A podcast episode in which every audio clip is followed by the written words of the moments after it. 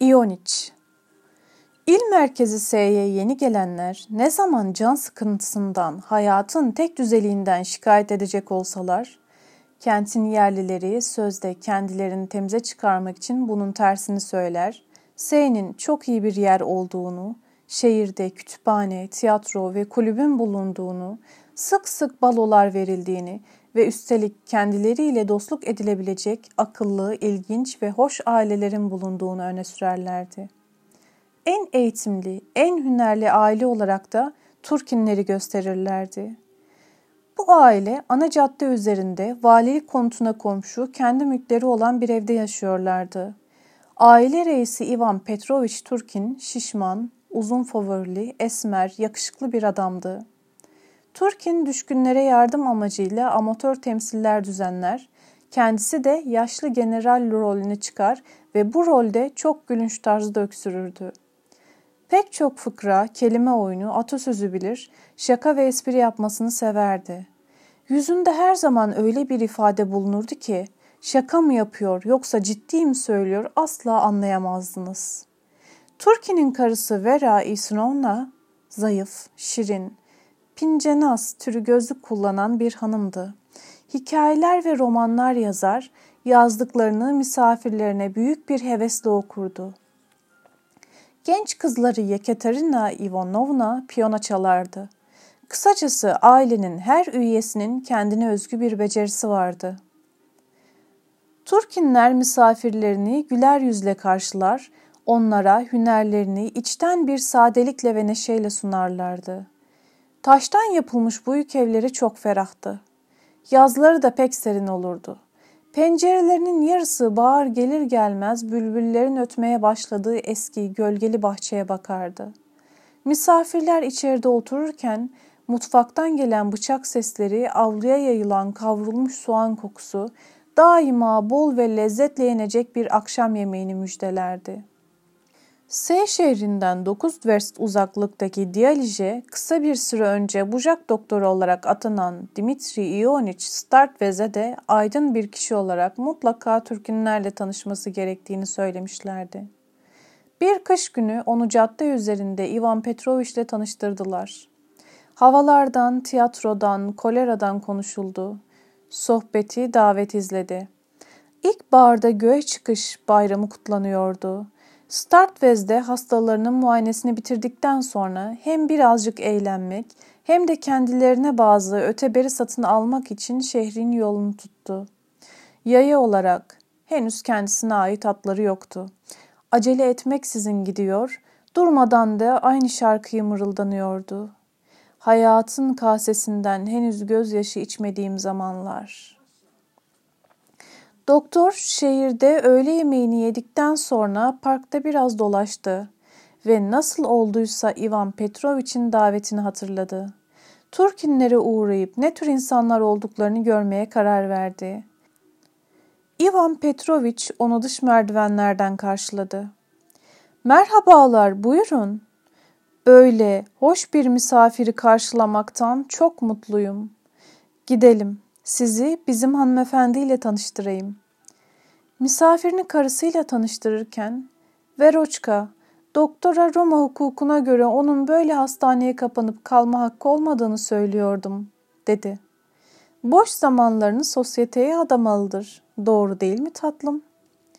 Vera Isinonovna misafire yanında yer göstererek, buraya oturunuz, dedi. Bana kur yapabilirsiniz. Kocam çok kıskançtır. O bir Othello'dur ama aldırmayın. Davranışlarımızı öyle ayarlarız ki o hiçbir şey fark etmez.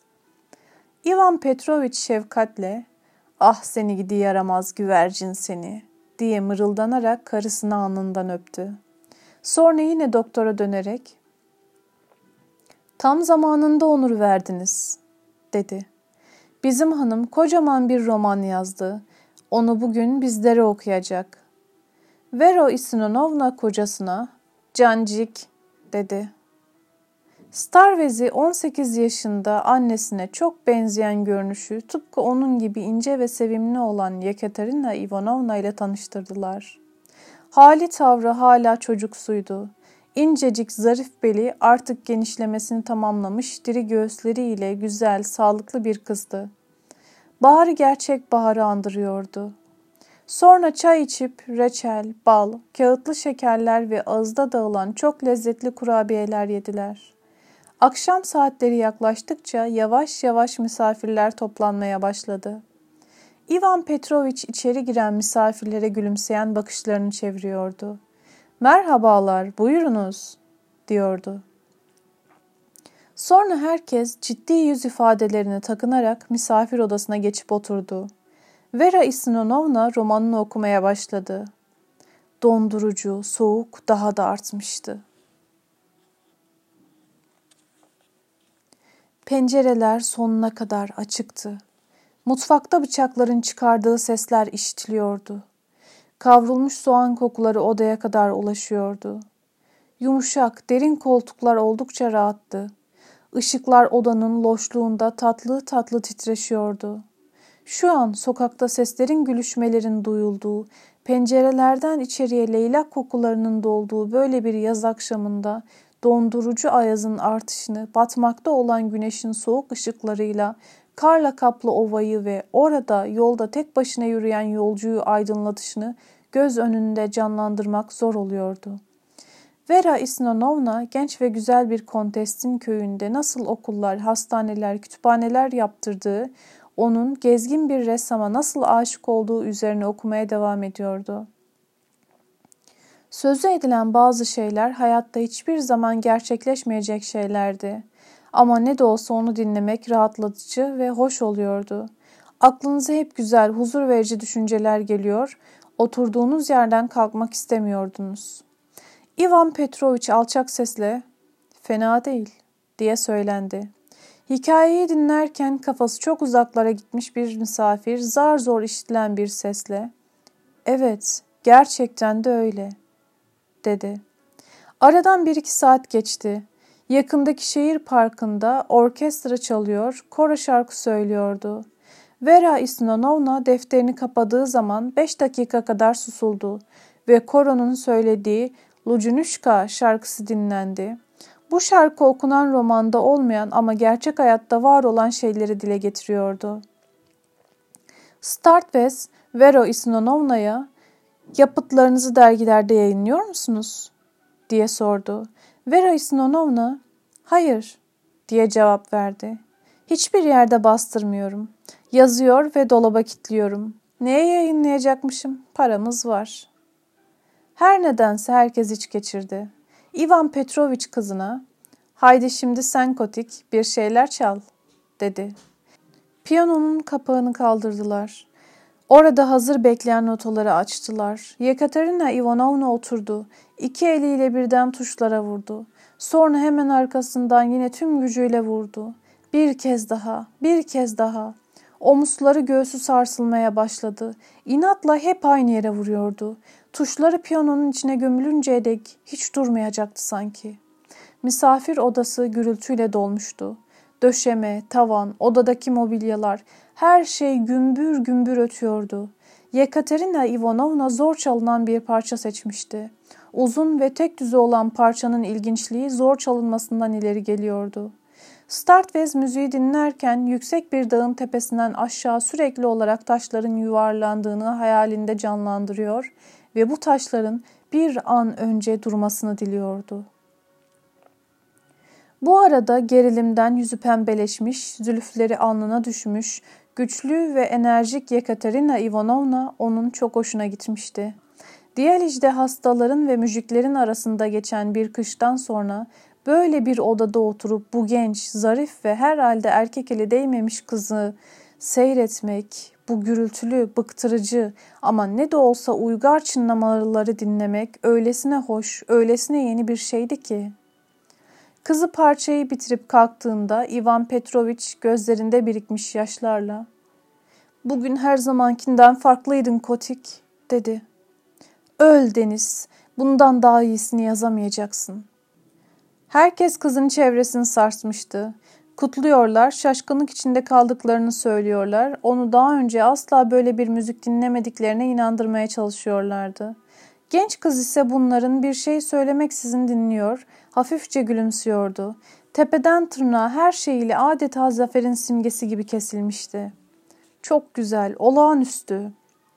Genel havaya kapılan Startvez'de çok güzel dedi.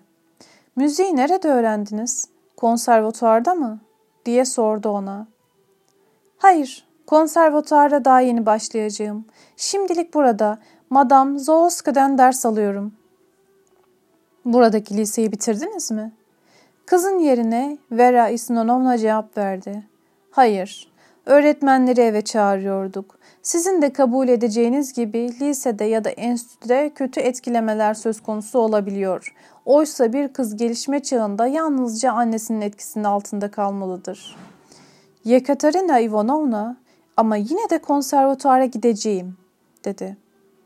Hayır Kotik, böyle yapma. Sen anneciğini seversin. Kızımız annesini ve babasını üzmeyecektir. Kendini naza çeken Yekaterina Ivanovna ayaklarını yere vurarak ''Hayır, gideceğim, gideceğim.'' dedi. Akşam yemeği için sofraya oturulduğunda Ivan Petrovich kendi hünerlerini sergiledi. Yüzündeki ifade değişmeksizin yalnızca gözleriyle gülüyor, fıkralar anlatıyor, espriler yapıyor, yine kendisinin çözdüğü gülünç bilmeceler soruyordu. Sürekli olarak alışılmadık bir Rusça kullanıyordu. Nüktecilik alanında uzun denemeler sonucu geliştirdiği bu dille çoktan beri içli dışlı olduğu açıkça görülüyordu. Çoğunluk fenalı değil gibi kelimeler uydurulmuştu. Hepsi bu kadar da değildi. Misafirler karınlarını doymuş, durumlarından hoşnut, sofradan kalkıp paltolarını ve bastonlarını seçmek üzere hole çıktıklarında 14 yaşlarında saçları kısacık tıraş edilmiş tombul yanaklı uşak Pavluşa ya da evdeki adıyla Pava ortalıklarda belirmişti. Ivan Petrovich ona ''E Pava ne durumdasın göster numaranı'' dedi. Pava pozunu takındı. Ellerini yukarı kaldırdı. Acıklı bir ses tonuyla ''Öl bahtsız kadın!'' diye bağırdı. Herkes kahkahalarla güldü. Start ve sokağa çıkarken ilginç diye düşündü. Bir lokantaya uğrayıp bira içti. Sonra yine yayı olarak Diyalice doğru yola koyuldu. Yolda hep aynı şarkıyı mırıldanıyordu. Sesin bana hem okşayıcı hem cansız gelir.'' Dokuz veslik yolu yürüdükten sonra yatağa uzandığında en küçük bir yorgunluk hissetmiyordu. Tersine gönüllü olarak daha 21 vest yürüyebileceğini düşünüyordu. Tam uykuya dalacakken aklına Turki'nin fenalı değil sözü geldi. Gülümsedi. Startwest, Turkinlere gitmeye hep niyetlendiği halde hastanedeki işlerinin çokluğundan bir türlü boş zaman bulup gidemiyordu. Aradan yoğun çalışmalarla ve yalnızlıkla dolu bir yıldan fazla bir zaman gelip geçmişti. Bir gün ona şehirden mavi zarf içinde bir mektup getirdiler. Vera Isinonovna çoktan beri migren ağrılarından acı çekiyordu. Ancak son zamanlarda Kotik her gün konservatuara gideceğim diye tutturunca nöbetler daha sık tekrarlanmaya başlamıştı. Şehirdeki doktorlardan Türkinlere gelmeyen kalmamış ve nihayet şimdi sıra bucak doktoruna gelmişti. Vera Isnanovna duygulu bir üslupla yazdığı mektubunda Startvez'den gelip acılarını biraz olsun hafifletmesini rica ediyordu. Startvez kalkıp Bayan Türkin'e gitti. Bu olaydan sonra da onlara çok sık uğramaya başladı. Gerçekten Vera Isnanovna'nın ağrılarını birazcık azaltabilmişti. Bayan Turkin onun nasıl olağanüstü bir doktor olduğunu misafirlerine anlatmaya başlamıştı bile. Ama Startvez'in Turkinlere gidiş nedeni artık Vera Isnonovna'nın migreni değildi. Bir bayram günüydü. Yekaterina Ivanovna piyanodaki bitip tükenmez işkenceden farksız çalışmalarını bitirmiş sonra yemek odasında uzun uzun oturularak çay içilmişti. Ivan Petrovich komik bir şeyler anlatıyordu. Ansızın kapı zili çaldı. Gelen misafiri karşılamak gerekiyordu. Bu anlık kargaşadan yararlanan Startves heyecandan tir tir titreyerek Yekaterina Ivanovna'ya ''Tanrı aşkına yalvarırım size. Ne olur bana eziyet çektirmeyin. Birazcık bahçeye çıkalım.'' diye fısıldadı. Kız şaşırmış ve kendisinden ne istendiğini anlamamış bir tavırla omuz silkti. Ama yine de yerinden kalkarak dışarı yöneldi. Doktor kızın peşinden dışarı çıkarken ona üç saat, dört saat aralıksız piyano çalıyorsunuz. Sonra da annenizin dizinin dibinden ayrılmıyorsunuz, diyordu. Sizinle konuşmak için en ufacık bir fırsat bulamıyorum. Ne olur, yalnız 15 dakikacık olsun beraber olalım. Sonbahar yakındı. Yaşlı bahçeye sessizlik ve hüzün egemendi. Sıralı ağaçların arasında uzayıp giden yolları cansız yapraklar kaplamıştı. Hava erken kararıyordu. Startwest, sizi tüm hafta boyunca görmedim, diye devam etti. Bunun bana nasıl acı verdiğini bir bile bilseydiniz. Oturalım, beni dinleyiniz.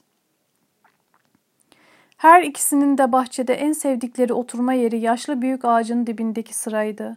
Şimdi de buraya oturmuşlardı. Yekaterina Ivanovna iş konuşması edasıyla soğukça ''Ne istiyorsunuz?'' dedi. ''Sizi bütün bir hafta hiç görmedim. Sesinize hasret kaldım. Konuşunuz.'' Kız tazeliğiyle ve gözlerindeki, yanaklarındaki o saf ve doğal ifadeyle doktoru büyülemişti. Giysisinin üzerinde duruşu bile yapmacıksız, güzelliğiyle iç içe dolu, dop dolu, olağanüstü sevimli bir şeydi bu. Öte yandan bütünüyle saf görünümüne rağmen kız ona yaşından beklenilmeyecek kadar akıllı ve olgun gözüküyordu. Onunla edebiyat, sanat ve daha başka konular üzerinde konuşabiliyor, onu hayattan, insanlardan dert yanabiliyordu.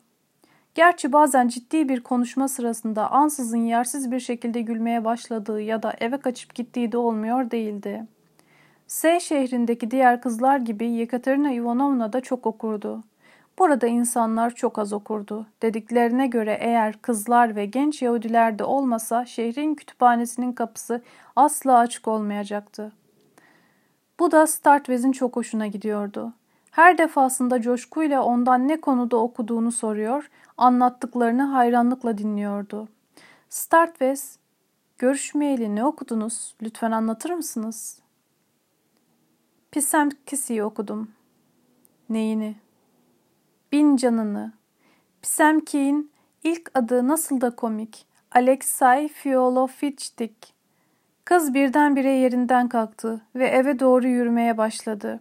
Hayrete düşen Startwest, ''Nereye?'' dedi. ''Sizinle konuşmalıyım. Açıklamak zorundayım. Beş dakika olsun benimle kalın. Ayaklarınıza kapanırım.'' Kız sanki bir şey söyleyecekmiş gibi durdu. Sonra utangaç bir edayla doktorun eline bir pusula sıkıştırarak eve koştu. Tekrar piyanonun başına oturdu. Startwest pusulaya baktı. Bugün akşam saat 11'de mezarlıkta. Demetti anıtının yanında olunuz diye yazıyordu. Şaşkınlığı geçen Startwest amma da akılsızca bir şey diye düşündü. Mezarlıkta nereden çıktı? Hem niye mezarlıkta? Aslında mesele açıktı. Kotik çocukça bir şaka yapıyordu. Yoksa caddeler, park dururken gece şehirden uzakta mezarlığı buluşma yeri olarak seçmek kimin aklına gelebilirdi?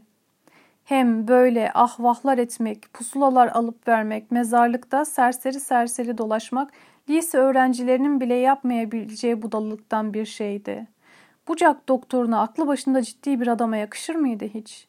Bu serüvenin sonu nereye varacaktı? Arkadaşlarını öğrenince ne diyecekti? Start West kulüpte masaların altında gezinirken işte böyle düşünüyordu. Ancak saat on buçukta birden karar değiştirip arabasıyla mezarlığın yolunu tuttu. Startvez'in artık kendine ait bir çift atı ve Panteloimon adında kadife ceketli bir arabacısı bulunuyordu. Ay ışığı vardı. Ortalık sessiz ve ılıktı. Ancak sonbahara özgü bir ılıktı bu. Şehrin kenar mahallelerinde, mezba yakınlarında köpekler uluyordu. Startvez arabasını şehrin kenarındaki küçük ara sokaklardan birine bıraktı. Mezarlığa yaya gitti. Herkesin kendine özgü gariplikleri vardır diye düşünüyordu. Kotik de garip bir kızdır. Kim bilir belki de şaka yapmıyordur. Bakarsın çıkıp gelir. Kendisine bu zayıf ümide kaptırdığına göre kız onun aklını başından almıştı. 500 metre kadar tarlada yürüdü. Mezarlık uzakta bir ormanı ya da büyük bir bahçeyi andıran karanlık bir alan halinde belirmişti. Sonra beyaz renkli taş duvar ve kapı göründü. Ay ışığında kapının üstündeki Zaman seni de buraya getirecek yazısını okuyabiliyordu. Startwest küçük kapıdan içeri girince ilk gözüne çarpan şeyler ağaçlı geniş yolun her iki yanında sıralanan beyaz haçlar, mezar taşları ve bu taşlardan ve kavaklardan uzanan koyu gölgeler oldu. Dört bir yanda uzaklarda siyahlıklarla beyazlıklar görünüyordu. Uykulu ağaçlar dallarını bu beyazlıkların üzerine sarkıtmışlardı. Burası sanki tarlalardan daha aydınlıkmış gibiydi. Birer vahşi hayvan pençesini andıran akça ağaç yaprakları yolun sarı kumlarının ve mezar taşlarının üzerinde çok belirgin bir şekilde fark edilebiliyorlardı. Mezar taşlarının üzerindeki yazılar açıkça okunabiliyordu.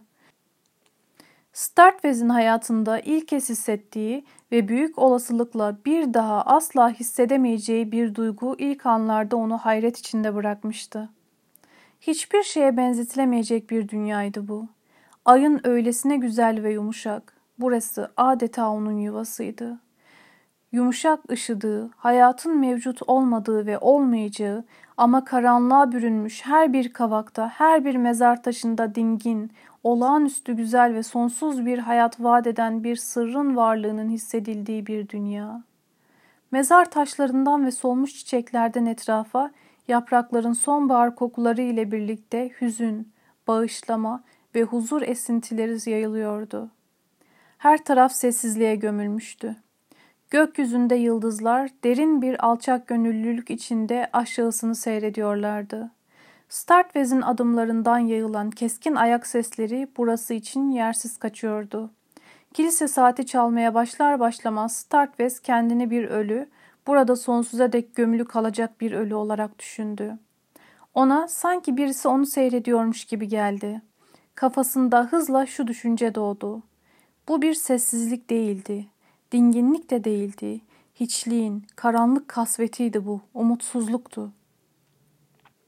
Demetti anıtı, tepesinde melek tasviri olan küçük bir dua odası biçiminde bir anıttı. Bir zamanlar S kentini ziyaret eden bir İtalyan opera topluluğunun kız sanatçılarından birisi ölmüş, onu buraya gömmüşler ve anısına da bu anıtı yapmışlardı. Şehirde şimdi onu hatırlayan hiç kimse yoktu. Anıtın girişi üzerindeki kandil ayın ışığını yansıtıyor ve insana sanki yanıyormuş gibi geliyordu. Anıtın yanında kimsecikler yoktu. Hem gece yarısı buraya kim gelecekti? Fakat Start bez bekliyordu. Ay ışığı onun içindeki ihtirası kızıştırmıştı sanki. Hırsla bekliyor, hayalinde öpüşmeler, kucaklaşmalar canlandırıyordu. Anıtın yanında yarım saat kadar oturduktan sonra kalkarak şapkası elinde mezarlığın kenar kısımlarında gezindi.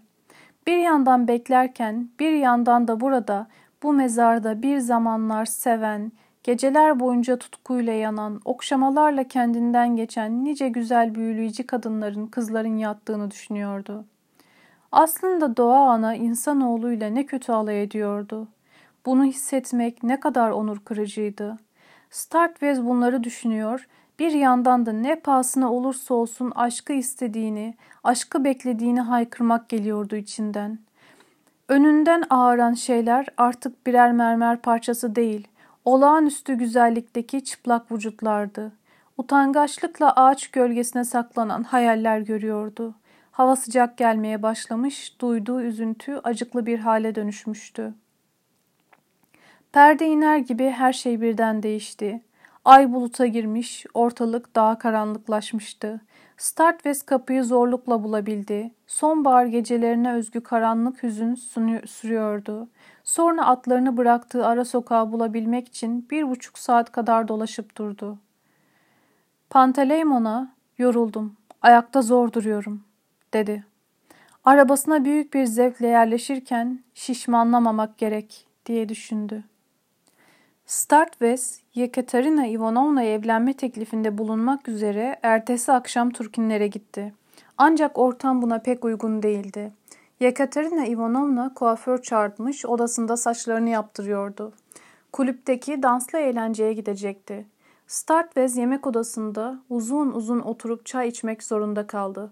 Misafirinin düşünceli olduğunu ve sıkıldığını gören Ivan Petrovich yelek cebinden Alman kahyaya ait komik bir mektup çıkararak okudu. Mektup çiftlikte tüm suçunu inkarların bozulduğundan, utanmanın kalmadığından bahsediyordu.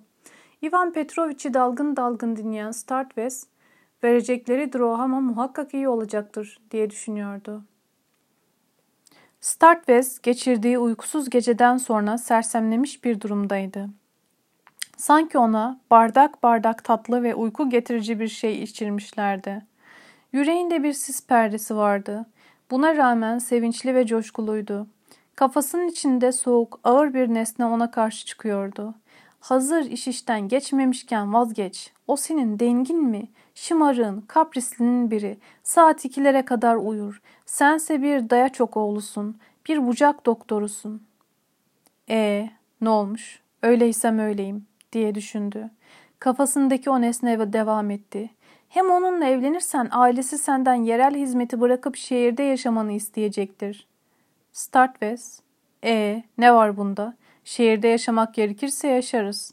Drahoma verecekler, bir düzen kurarız, diye cevapladı.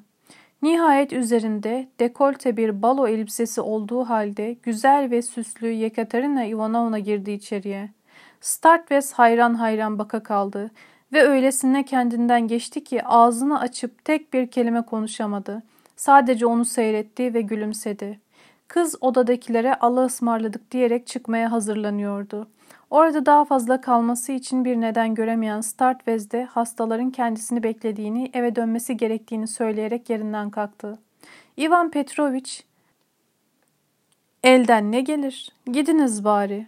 dedi. ''Bu arada Koti'yi de kulübe bırakırsınız. Dışarıda yağmur yağıyordu. Ortalık çok karanlıktı. Ancak Panteleymon'un kısık kısık öksürmelerinden atların nerede bulunduğunu kestirmek mümkündü. Arabanın üstlüğü örtüktü. Ivan Petrovich kızını arabaya bindirirken ben halı üzerinde gidiyorum. Sen yalan söylediğin sürece gideceksin. O yalan söylediği sürece gidecektir. Diye söyleniyordu. Haydi bakalım güle güle. Araba hareket etti. Start West dün mezarlığa gittim dedi. Çok acımasız ve kötü niyetlice bir oyun ettiniz bana. Mezarlığa gittiniz mi? Evet gittim. Orada sizi neredeyse saat ikiye kadar bekledim. Eziyet çektim. Madem ki şakadan anlamıyorsunuz, eziyet çekin. Yekaterina Ivanovna aşığı ile böyle kurnazca eğlendiği ve onun tarafından bu derece çok sevildiği için memnundu. Kahya ile gülmeye başladı. Tam bu sırada atlar keskin bir dönüş yaparak kulübün kapısına yönelince araba yana doğru devrilir gibi oldu. Yekaterina Ivanovna korkudan bir çığlık attı. Startvez onu belinden yakaladı. Korkmuş olan Yekaterina Ivanovna doktora iyice sokuldu. Doktor kendini kaybederek kızı dudaklarından, çenesinden öpmeye başladı. Onu kuvvetlice kucaklamıştı. Kız soğuk bir sesle ''Yeter!'' dedi. Göz açıp kapamaya kalmamış Yekaterina Ivanovna ortadan kaybolmuştu. Kulübün ışıklı girişindeki bekçi iğrenç bir sesle Panteleymon'a bağırıyordu. ''Ne duruyorsun alık, sürüp gitsene.'' Startvez eve geldi. Ama hemen geri döndü. Başkasına ait bir frak giymiş, her nedense hep kabaran ve yakanın dışına taşan beyaz renkli sert bir kravat takmıştı. Gece yarısına kadar kulüpte oturdu. Yekaterina Ivanovna'ya keyifli keyifli, ömürlerinde hiç aşık olmamış kimseler ne kadar az şey bilir diye anlatıyordu. Bana öyle geliyor ki daha hiç kimse aşkı gerçeğe uygun bir şekilde betimleyememiştir. Bu neşe ve acı verici ince duyguyu anlatabilmek çok zordur. Bu duyguyu bir kez olsun yaşayan onu sözcüklere dökmeye kalkışmaz. Hem girişlere, betimlemelere, bir takım güzel sözlere ne gerek var? Benim aşkım uçsuz bucaksızdır. Start ve sonunda söyleyebilmişti. Rica ediyorum, yalvarırım benim karım olunuz. Yekaterina Ivanovna bir an düşündükten sonra çok ciddi bir tavır takınarak Dimitri Ioniç, bana bahsettiğiniz bu onur için size çok minnettarım. Size saygı duyuyorum. Yerinden kalkarak sözünü ayakta sürdürdü. Fakat beni bağışlayınız. Ben sizin karınız olamam. Ciddi konuşalım Dimitri Ioniç. Biliyorsunuz ki ben hayatta her şeyden çok sanatı severim. Müziğe tapıyorum. Bütün hayatımı ona adadım. Sanatçı olmak istiyorum. Ün, başarı, özgürlük istiyorum. Siz ise benden bu şekilde yaşamaya devam etmemi, artık dayanılmaz hale gelen bu boş ve yararsız hayatı sürdürmememi istiyorsunuz. Evlenmek. Yo, hayır. Bağışlayınız. İnsan yüce parlak bir amaca ulaşmaya çalışmalıdır. Oysa evlendiğim takdirde sonsuza dek elim kolum bağlı kalacaktır. Dimitri Ionich bu ad ona Alexey Fileolyofich'ten adını anımsattığı için hafifçe gülümsedi. Siz soylu bir ruha sahip iyi bir zeki adamsınız. Herkesten daha iyisiniz. Gözlerinde yaşlar birikmişti. Tüm kalbimle sizi destekliyorum ama işte anlıyorsunuz. Yekaterina Ivanovna hüngür hüngür ağlamamak için arkasını döndü ve odadan dışarı çıktı. Startvez'in çarpıntılı kalp atışları artık normale dönmüştü. Kulüpten dışarı çıktığında yaptığı ilk iş sert kravatını çekip çıkarmak ve derin bir nefes almak oldu. Birazcık utanmıştı. Onurunun incindiğini hissediyordu. Kendisine hayır deneceğini beklemiyordu. Tüm hayallerinin, üzüntülerinin ve umutlarının onu tıpkı amatör grupların oynadığı küçük piyeslerde olduğu gibi böyle aptalca bir sonuca götürmesine bir türlü inanamıyordu. Duygularına, aşkına yazık olmuştu. Hem öylesine yazık olmuştu ki oturup hüngür hüngür ağlamak ya da Panteleymon'un geniş sırtına şemsiyeyi tüm gücüyle indirmek geliyordu içinden. Startwest üç gün kendinde çalışacak güç bulamadı. Ne yemek yiyor ne de uyuyordu. Ancak Yekaterina Ivanovna'nın konservatuara girmek için Moskova'ya gittiğini öğrenince sakinleşti ve normale döndü. Sonraları ara sıra mezarlıkta nasıl gezindiğini ya da frak bulmak için tüm şehri nasıl dolaştığını hatırladığında tembel tembel gerinir, amma da büyük çaba, vay canına diye söylenirdi. Aradan dört yıl geçti. Startvez'in şehir içindeki işi çoktan büyük boyutlara ulaşmıştı. Her sabah diyalizde kendi hastalarına aceleyle baktıktan sonra üç atlı çırangıraklı arabasıyla artık iki atlı araba kullanmıyordu. Şehirdeki hastalarına gidiyor, gece geç saatlerde eve geri dönüyordu. Şişmanlamış, göbek bağlamıştı. Nefes darlığı çektiği için yürümeyi sevmiyordu. Panteleimon da şişmanlamıştı. Enine genişledikçe ah vah çekmeleri daha da hüzünlü oluyor ve kötü alın yazgısından şikayetleri daha da sıklaşıyordu. Sürücülük onu canından bezdirmişti. Startwest çeşitli evlere girip çıkıyor, pek çok insanla karşılaşıyordu. Fakat hiç kimseyle samimi olmuyordu. Şehrin küçük burjuva yerlileri kendi dünya görüşleri, sohbetleri ve hatta dış görünüşleriyle onu öfkelendiriyorlardı. Deneyimleri zamanla onu şunu öğretmişti. Şehrin büyük burjuva yerlilerinden biriyle bu sakin, uysal ve hatta akıllı bir adam olabilir. İskambil oynarken, yemek yerken onunla yemek içmek dışında bir konu, örneğin politika ya da bilim üzerine konuşmaya kalktığınızda hemen çıkmaza girer, bazen de öyle budalaca ve art niyetlice bir felsefe yürütür ki size sadece el sallamak ve kalkıp gitmek kalır. Startwest şehrin daha liberal yerlileriyle konuşmayı denediği durumlarda da sonuç değişmiyordu.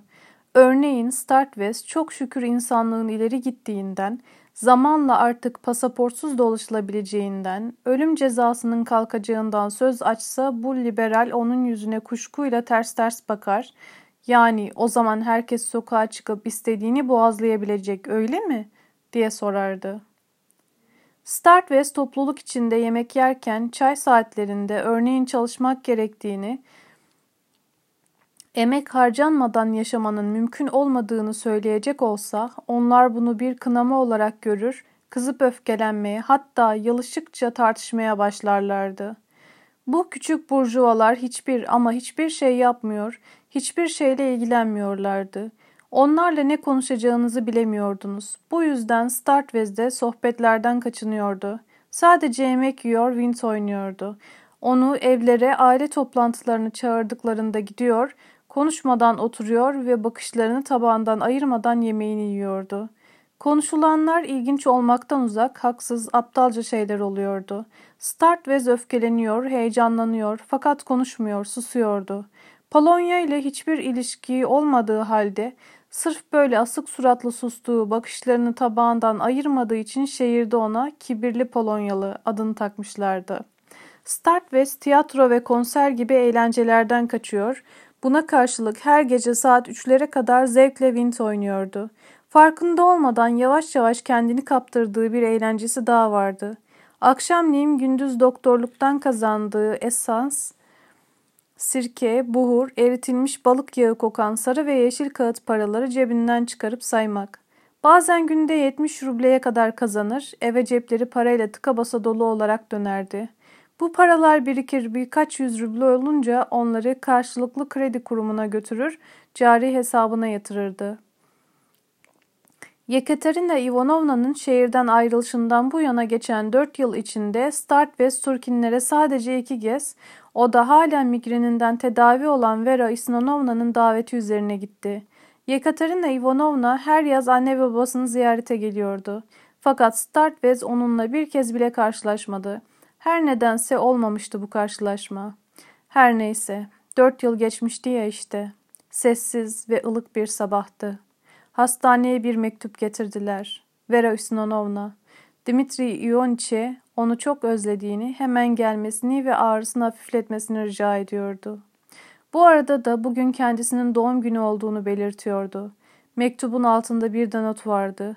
Annemin ricasını ben de paylaşıyorum. Startvez düşünüp taşındı. Akşam Turkinlere gitti. Onu Ivan Petrovic yine yüz ifadesini değiştirmeden yalnızca gözleriyle gülerek karşıladı. ''Oo, merhabalar, buyurun, bonjour.'' İyice yaşlanmış, saçları beyazlamış olan Vera Isnonovna Startvez'in elini sıktı. Yapmacıklı bir edayla iç geçirdi. ''Doktor, siz bana kur yapmak istemiyorsunuz. Bize hiç gelmiyorsunuz.'' dedi. ''Ben size artık yaşlıyım ama bakın genç biri geldi. Belki o benden daha şanslı çıkar.'' Kotik'e gelince zayıflamış, solgunlaşmış, daha güzel, daha zarif olmuştu. Ama o artık Yekaterina Ivanovna'ydı. Kotik değildi. Eski tazeliği, çocuksu saflığı kaybolmuştu. Bakışlarında, davranışlarında yeni bir şey, bir ürkeklik, suçluluk hali vardı. Turkinlerin evi sanki onun evi değildi artık. Startveze elini uzatırken, ''Kaç yaz, kaç kış geçti aradan.'' dedi. Kalbinin heyecanla çarptığı belli oluyordu. Dikkatle ve merakla Startvez'in yüzüne bakarak konuşmasını sürdürdü. Ne kadar da şişmanlamışsınız. Esmerleşmiş, dolgunlaşmışsınız. Ama genel olarak az değişmişsiniz. Yekaterina Ivanovna Startvez'in yine hoşuna gitmişti. Hem de çok hoşuna gitmişti. Fakat şimdi onda bir şey eksikti ya da bir şey fazlaydı. Bunun tam olarak ne olduğunu o da bilemiyordu. Ama işte bir şey onun eski duyguları duymasına engel oluyordu. Kızın solgunluğu, yüzündeki yeni ifade, zayıf gülümseyişi, sesi hoşuna gitmemişti. Aradan bir süre geçtikten sonra onun elbisesi de oturduğu koltukta Startvez'e çirkin görünmeye başladı. Geçmişten onunla her neredeyse evlenmek üzere olduğu eski günlerden kalan bir şeydi Startvez'in midesini bulandıran. Aşkını dört yıl önce öylesine heyecanlandıran hayallerini, umutlarını hatırladı. Rahatsız olmaya başladı. Tatlı poğaçayla çay içtiler. Sonra Vera Isnonovna yine o hayatta asla karşılaşılmayan şeyleri anlatan romanını okumaya başladı. Startvez romanı dinlerken bir yandan da onun beyaz saçlı, biçimli başını seyrediyor ve bir an önce bitirmesini bekliyordu. Yeteneksiz kişi hikayeler yazmasını beceremeyen değil, bunları yazıp da yeteneksizliğini gizleyemeyendir diye düşünüyordu. Ivan Petrovich fenalı değil dedi. Sonra Yekaterina Ivanovna gürültüyle uzun uzun piyano çaldı. Müzik sona erdiği zaman misafirler ona teşekkür ettiler ve, ve onu öve öve bitiremediler. Startvez, iyi ki bu kızla evlenmemişim diye düşündü. Yekaterina Ivanovna Startvez'in yüzüne baktı. Ondan kendisine bahçeye çıkmayı önermesini bekliyordu. Ama Startvez'den bir ses çıkmadı. Kız ona yaklaşarak biraz konuşalım dedi. Hayatınız nasıl geçiyor? Neler yapıyorsunuz? Sonra tedirgin bir edayla devam etti. Aradan geçen bunca zaman içinde hep sizi düşündüm. Size mektup yazmak, Diyalice gelmek istedim. Ve hatta oraya gelmeye de karar vermiştim. Ama sonra bundan vazgeçtim. Şimdi bana nasıl davranacaksınız kim bilir. Bugün sizi öylesine büyük bir heyecan içinde bekledim ki sormayın. Yalvarırım bahçeye çıkalım. Bahçeye çıkarak dört yıl önce olduğu gibi yine o yaşlı kara ağacın dibine oturdular. Yekaterina Ivanovna, nasılsınız? diye sordu. Startwest, eh zararsız diye cevap verdi. Söyleyecek başka bir şey gelmedi aklına. Sustular. Yekaterina Ivanovna elleriyle yüzünü kapayarak tedirginlik duyuyorum dedi. Ama siz bunu aldırmayın. Evde olmak çok hoşuma gidiyor. Herkesi gördüğüme çok seviniyorum ama bir türlü alışamadım. Ne kadar da çok anı. Bana öyle geliyor ki sizinle hiç durmadan sabaha kadar çene çalacağız. Starwest onun yüzünü ışıldayan gözlerini şimdi daha yakından görüyordu. Burada karanlıkta odadakinden daha genç gözüküyordu ve hatta o eski çocuksu hali bile geri gelmişti. Gerçekten de kız yapmacıksız bir ilgiyle bir zamanlar onu öylesine yürekten, öylesine mutsuzca, şefkatle seven adamı adeta daha yakından görmek ve anlamak istercesine Starvez'in yüzüne bakıyor, bakışlarıyla bu aşk için ona minnettarlığını sunuyordu sanki. Starvez geçmişle olanları hatırladı. En küçük ayrıntılar, mezarlıkta nasıl dolaştığı, sabaha doğru nasıl bitkin bir halde evine döndüğü bir bir gözlerinin önünden geçti. Ansızın içine bir hüzün çöktü. Geçmişine acıdı. Yüreğinde bir ateşin tutuştuğunu hissetti. Hatırlıyor musunuz sizi kulüpteki dansa nasıl götürmüştüm dedi. Yağmur yağıyordu. Karanlıktı. Yüreğindeki ateş durmadan yanıyordu. Artık konuşmak, hayattan yakınmak istiyordu. İç geçirerek, ee dedi. Nasıl olduğumu soruyorsunuz. Burada nasıl iyi olunabilir? Ne mümkün? Yaşlanıyor, şişmanlıyor ve ruhen bozuluyoruz. Günler birbirini kovalıyor. Hayat yeni izlenimler, fikirler bıkmadan cansız bir şekilde akıp gidiyor.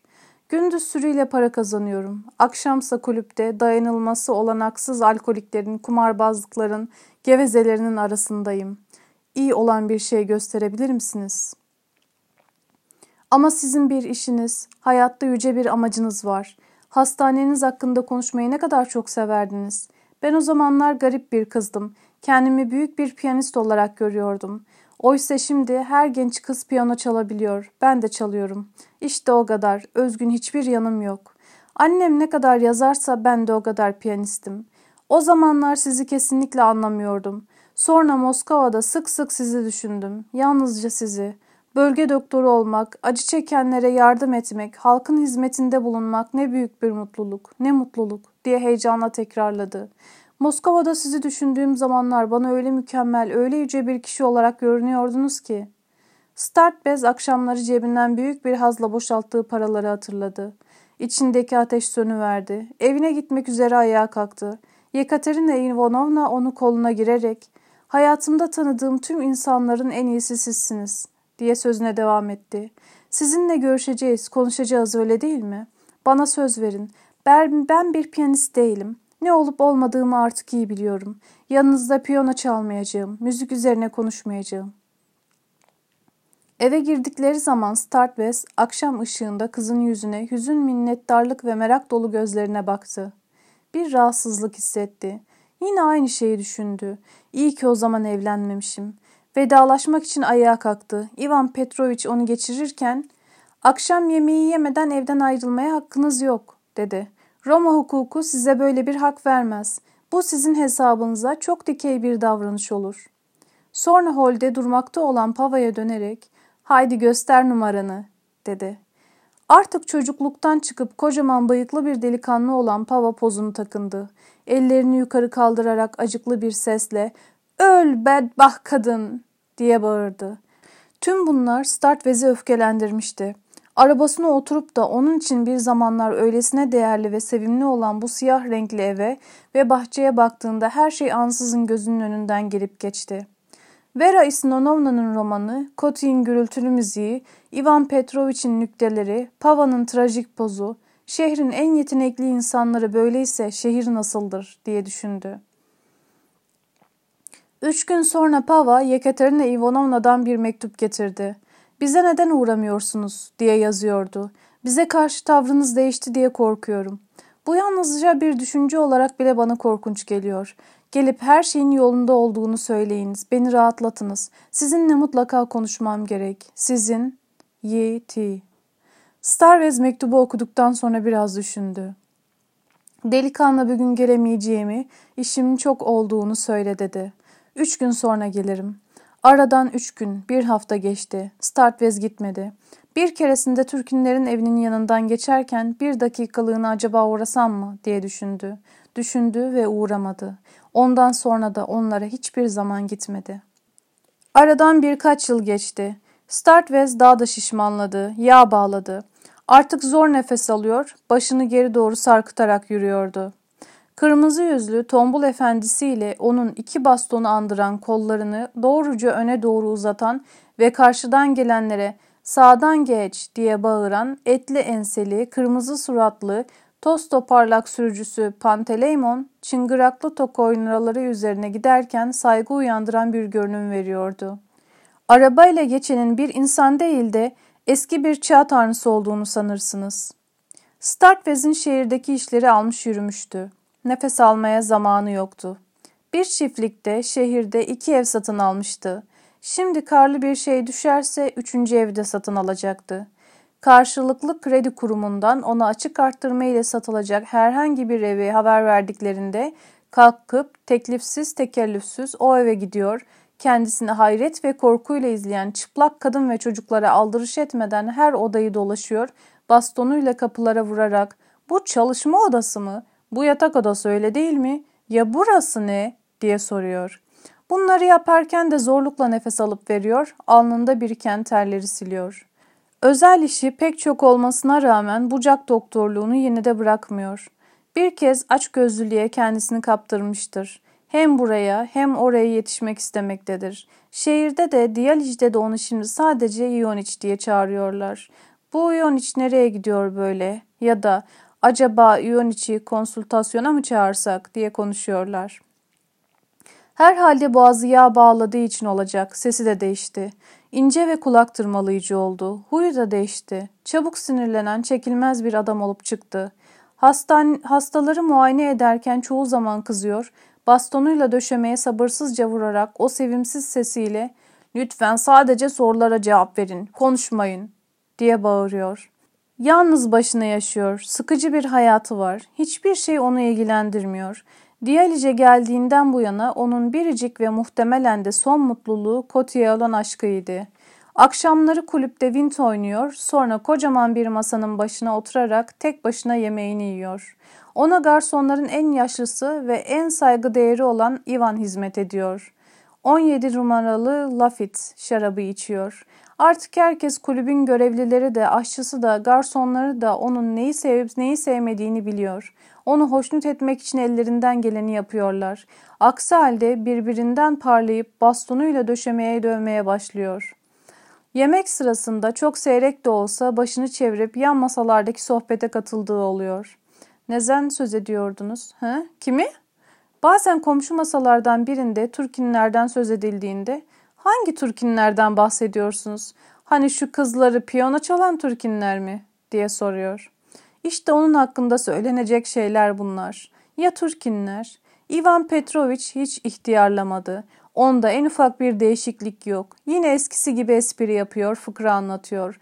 Vero Isnanovna yine eskisi gibi. İçten bir sadelikle ve zevkle romanını okuyor. Koti'ye gelince günde 3-4 saat piyano çalıyor. Gözle fark edilir şekilde yaşlandı. Zaman zaman hastalanıyor. Her sonbaharda annesiyle Kırım'a gidiyor. Ivan Petrovic istasyonda onları uğurlarken tren hareket ettiğinde elveda lütfen diye bağırıyor ve gözyaşlarını silerek mendil sallıyor. 1898